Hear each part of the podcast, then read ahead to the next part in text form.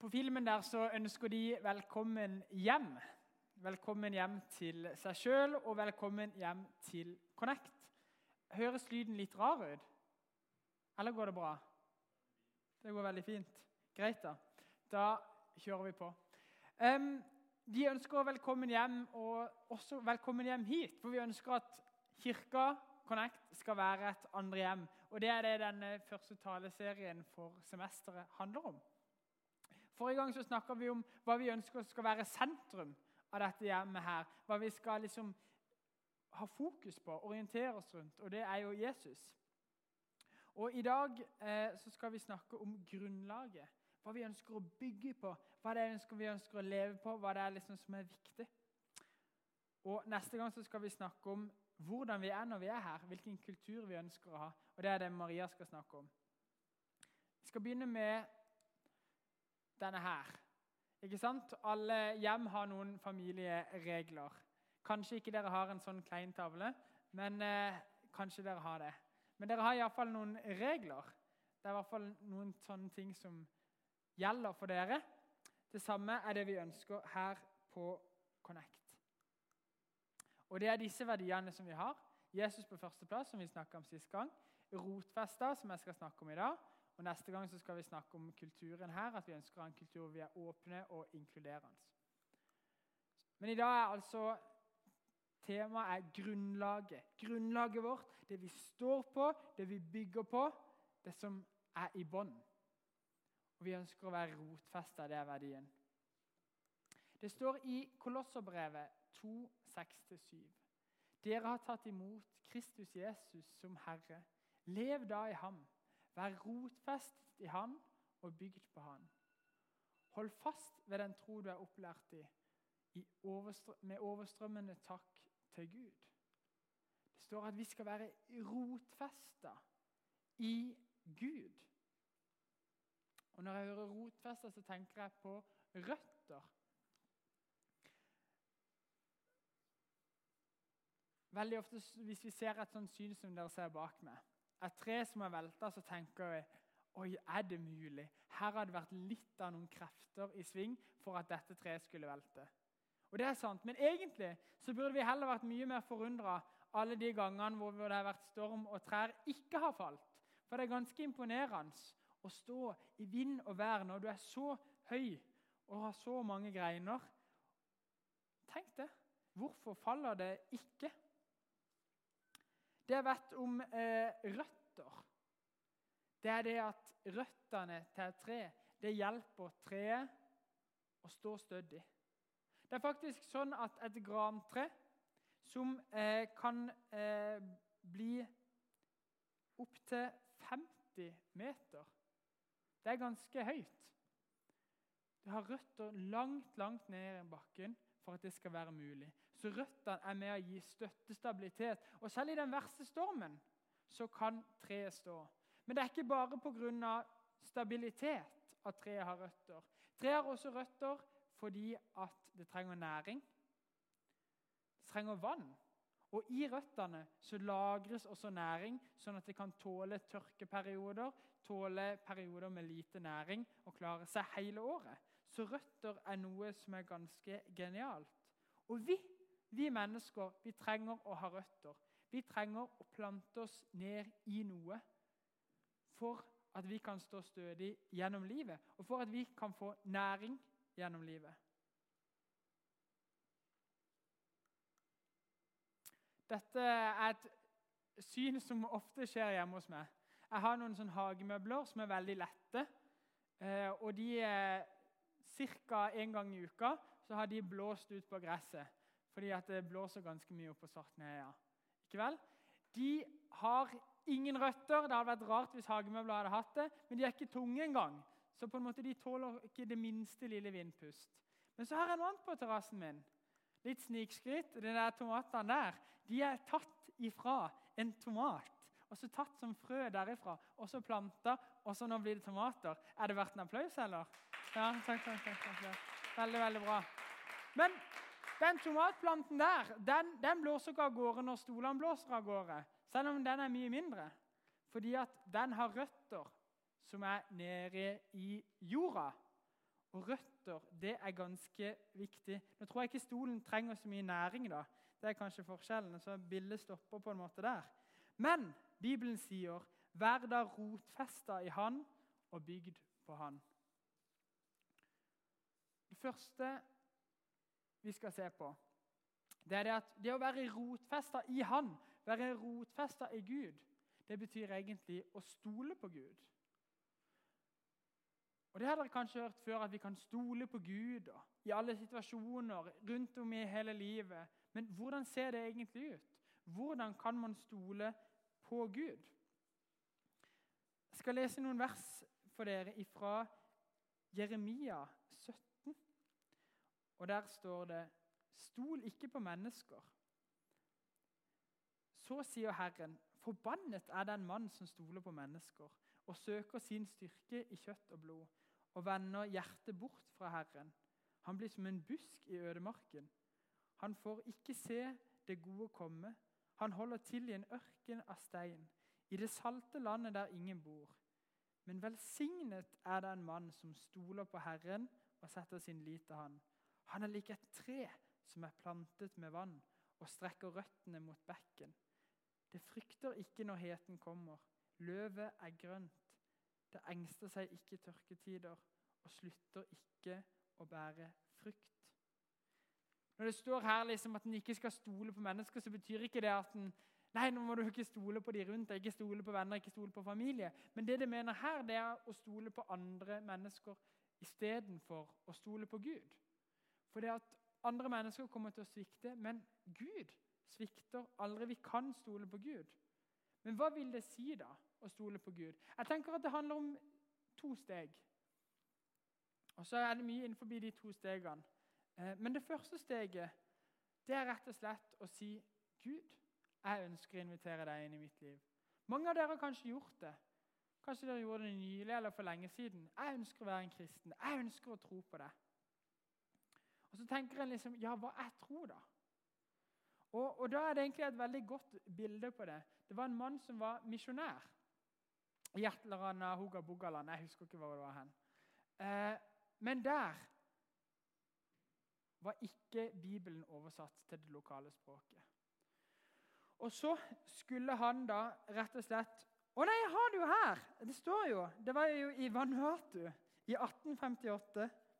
Eh, men han fant ikke noe ord for, for ordet tro på det lokale språket. Så, så han liksom strevde litt med det. Men så var det en dag at det var en lokal en der som sa det at å, det er så godt å sitte på denne stolen, bare strekke meg ut og hvile med full tyngde på denne stolen. Han satt på en stol og bare lente seg godt og kjente at her hviler jeg med hele min tyngde. Så han skjønte at ordet for tro det kunne være å hvile med hele sin tyngde.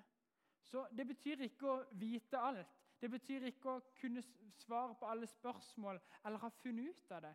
Men det betyr å hvile på at Gud bærer meg, og velge å hvile i Gud. Hvile med hele tyngda. Og så, Samtidig så handler det jo om å gå all in. da. Fordi Jesus han er ikke bare et sideprosjekt. Han er ikke liksom bare en som ønsker å være med sånn av og til. Jeg gikk i klasse med noen på videregående som eh, sa til meg De visste at jeg var kristen. Eh, så prata vi litt, og et eller annet, så sa de vi kan li litt Gud av og til. sa de. Og Da mente de egentlig at de gikk i kirka på julaften. Men jeg tror jo at det å leve med Gud, det å stole på Gud, har så utrolig mye mer å tilby. Og jeg tenker at jeg ønsker ikke å gjøre det halvveis. Jeg ønsker å gi Gud hele mitt liv. Så det første er jo ikke sant, dette med å stole på, velge Gud. Det er det første steget. Mens det andre steget det er liksom å vokse i tillit til Gud. da. Fordi at eh, det er jo sånn at man må bli kjent med folk for å kunne klare å stole på dem. Og Det er veldig naturlig at noen som nettopp har tatt valg om å følge Jesus, ikke kanskje stoler så mye på Gud som de som har fulgt ham i mange år. Det er akkurat som med venner, at vi trenger tid for å bli kjent. Vi trenger tid for å stole på dem. Dette her er meg og to av mine venner på Hillsong Conference i London for noen år siden. La de stå som et eksempel på venner. Folk som man stoler på. Fordi at folk som man stoler på, de kjenner man etter hvert fordi man bruker tid sammen med dem. Den er ganske lett. Og så er det sånn at man tror at det de sier, er sant. Fordi at de har bygd opp en tillit, fordi at en har en relasjon som gjør at ja, jeg stoler på at det du sier, er sant. Og så kan du spørre dem om råd. Og til slutt Så potensielt sett, hvis det er et godt vennskap, så skal du kunne dele alt. Og det er litt sånn det handler om å lære å stole mer på Gud. Å bli bedre kjent med han, bruke tid med han, stole på at det Gud sier i Bibelen, er sant. Spørre Gud om råd og våge å være ærlig, sånn som Espen fortalte nå i stad. Dele alt. Dele de tingene i livet som en bekymrer seg for, dele de tingene en tenker på. I Salme 37, 37,5 så står det 'Legg din vei i Herrens hånd. Stol på Han, så griper Han inn'. Jeg vet ikke med dere, men jeg kan fort være litt sånn kontrollfrik. Jeg liker å ha kontroll på ting, jeg liker å gjøre det på min måte. Og veldig veldig ofte så slipper jeg ikke Gud så mye til. Fordi at jeg må gjøre det sånn, jeg har den og den og den planen, og så skal jeg gjøre det sånn og sånn og sånn. Og så glemmer jeg veldig ofte å spørre Gud Hjelp meg i dette. Hvordan skal jeg gjøre dette? Hvilke valg skal jeg ta? Og det er så viktig det der at vi våger å spørre Gud. En gang så var jeg til forbønn. Altså Det var en som ba for meg. Og så sa han det at akkurat når jeg ba for det, så fikk jeg liksom opp et sånt bilde. Det var som om at du satt i en bil og kjørte. Du hadde hånda på rattet. Og Så satt Jesus i baksetet, og så sa han, 'La meg få ta rattet.' Men jeg bare styrte og styrte. Det å stole på Gud handler om å la Han få lov til å ta styringa. Sette seg litt tilbake og be Gud, jeg ønsker å legge min vei i din hånd. Kan du være med og styre og hjelpe meg til å ta mine valg? Og da er det sånn at vi kan faktisk, fordi Gud er Gud, så kan vi stole på Gud i alle situasjoner. Vi kan stole på Gud for det første når vi ber, når vi sier ting til han. Vi kan stole på Gud når vi er lei oss. Vi kan bare komme til han og fortelle akkurat sånn som det. Om vi ikke klarer å fortelle det, så skjønner han likevel, for han kjenner oss. Vi kan komme til Gud når vi er redde. Det står i Salme 56.: Når jeg er redd, stoler jeg på deg. Jeg stoler på Gud. Jeg priser Hans ord. Jeg stoler på Gud. Jeg er ikke redd. Jeg husker for eh, tre år siden, når jeg skulle Jeg var fem måneder av gårde. Tre måneder i Mexico og to måneder i Thailand. Og når jeg da satt på flyet og skulle av gårde til Mexico i tre måneder. Der var jeg pisse nervøs. Altså. Jeg kjente ingen. På flyet jeg tok, så snakka de bare spansk. Og jeg kunne bare liksom ungdom og videregående spansk eh, fra skolen, liksom. Og kjente bare at jeg var så nervøs. jeg var så nervøs. Men da hørte jeg på en sang om igjen og om igjen og om igjen, en sang som heter 'You Make Me Brave'. Eh, og så var det faktisk en veldig god hjelp med, og så gikk det veldig bra. Men når vi er redde, så kan vi stole på Gud. Når vi er sinte, så kan vi stole på Gud. Vi kan komme til Han med alt som vi går og bærer på, for Han tåler det. Når vi skal ta valg, når vi er upopulære, når Gud ber oss å gjøre, gjøre noe, og til og med når vi ikke forstår alt, så kan vi det.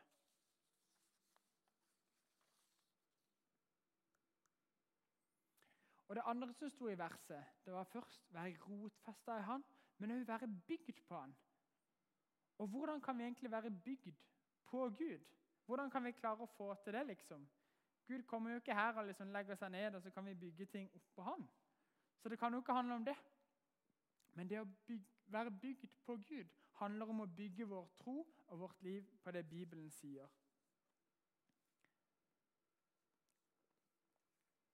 Denne boka her har jeg lest Jeg må tenke hvor mange ganger er det. Jeg har lest den faktisk bare helt igjennom to ganger, men det er veldig snart fire. Fordi at den eh, forrige runde er jeg snart ferdig med. Og så er jeg liksom allerede på neste runde. Men denne boka det er den boka i hele verden som har betydd mest for meg. Det er den boka som har betydd mest for min identitet, for min forståelse av verden, for min retning for livet, for hvordan jeg ser på andre mennesker, og hvordan jeg ønsker å leve. Jeg har vært på mange møter opp igjennom, og jeg har snakka med mange folk, men her kommer det direkte. For hvis vi skal bygge våre liv på Gud, så må vi jo vite hvem Gud er. Og da må vi finne ut hvem Gud er. Og denne boka forteller oss det. Så vi kan selvfølgelig finne ut av hvem Gud er her. Og det gjør vi jo. Vi synger sanger, vi hører på forkynnelse, vi ber. Alle disse tingene. Men det er litt som en smoothie. Ikke sant? Det er digg med smoothie. Opp med hånda alle som liker smoothie her. Ja, Jeg digger smoothie. Jeg hadde det senest i går, tror jeg. Eller var det i forgårs? Jeg hadde i hvert fall hatt det mange ganger denne uka. Men smoothie er digg. Men hvis du bare drikker smoothie hele tida, så blir du jo ikke mett. Men det er veldig forfriskende hvis du trenger noe, eh, noe litt sånn raskt, litt sånn sunt, litt sånn joho. ikke vel? Føler deg bra etterpå. Men i lengden, hvis jeg skal vare, så trenger jeg litt mer kost. ikke sant? Jeg trenger grovbrød, jeg trenger leverpostei, jeg trenger brokkoli, jeg trenger kjøtt, jeg trenger fisk. Jeg trenger alle disse tingene ikke sant? for at kroppen min skal vokse, bli sterk og hele pakka. ikke sant? Dere kjenner opplegget.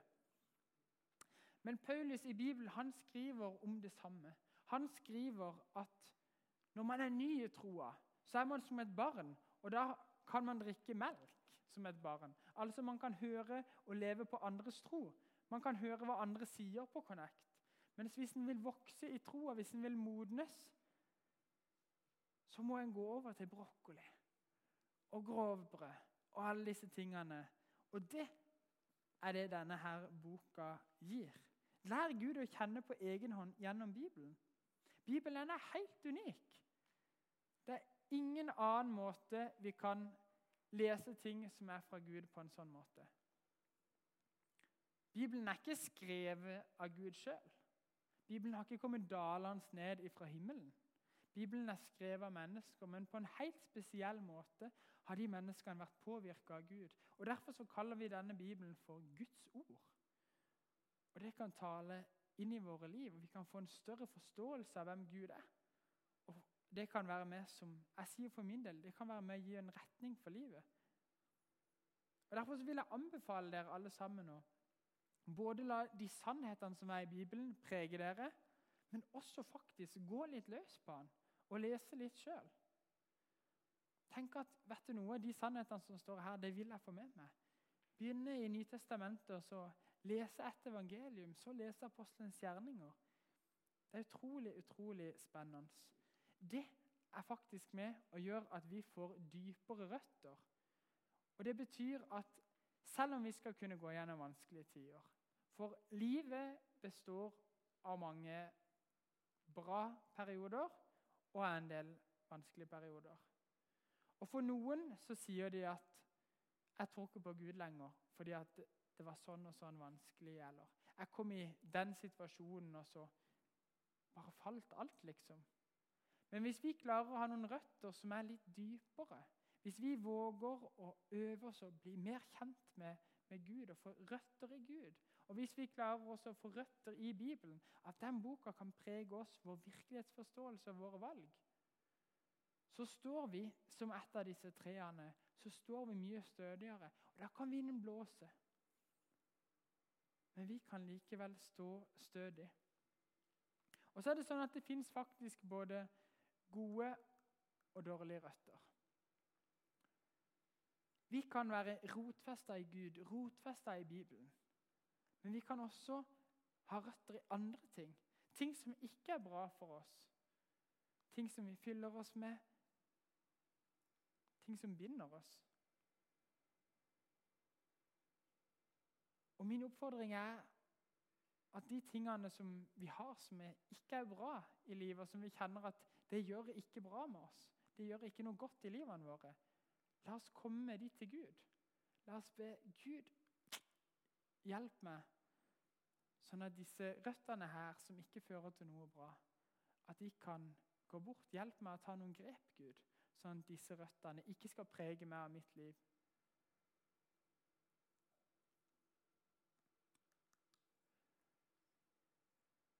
Vårt mål her er at vi kan bygge på et grunnlag som er stødig. At vi kan ha røtter som holder. Og Det er det fine med Gud. Det er det at Gud han holder uansett. Og det skal vi be om. Jesus, jeg takker deg for at eh, vi kan være rotfesta i deg. At du er vårt grunnlag for vårt liv. Jeg ber om at du må hjelpe oss til å ha våre røtter i deg og stole på deg, Gud. Og også stole på de sannhetene som, som Bibelen forteller oss. Jeg ber om at det skal gi retning for våre liv, for våre valg.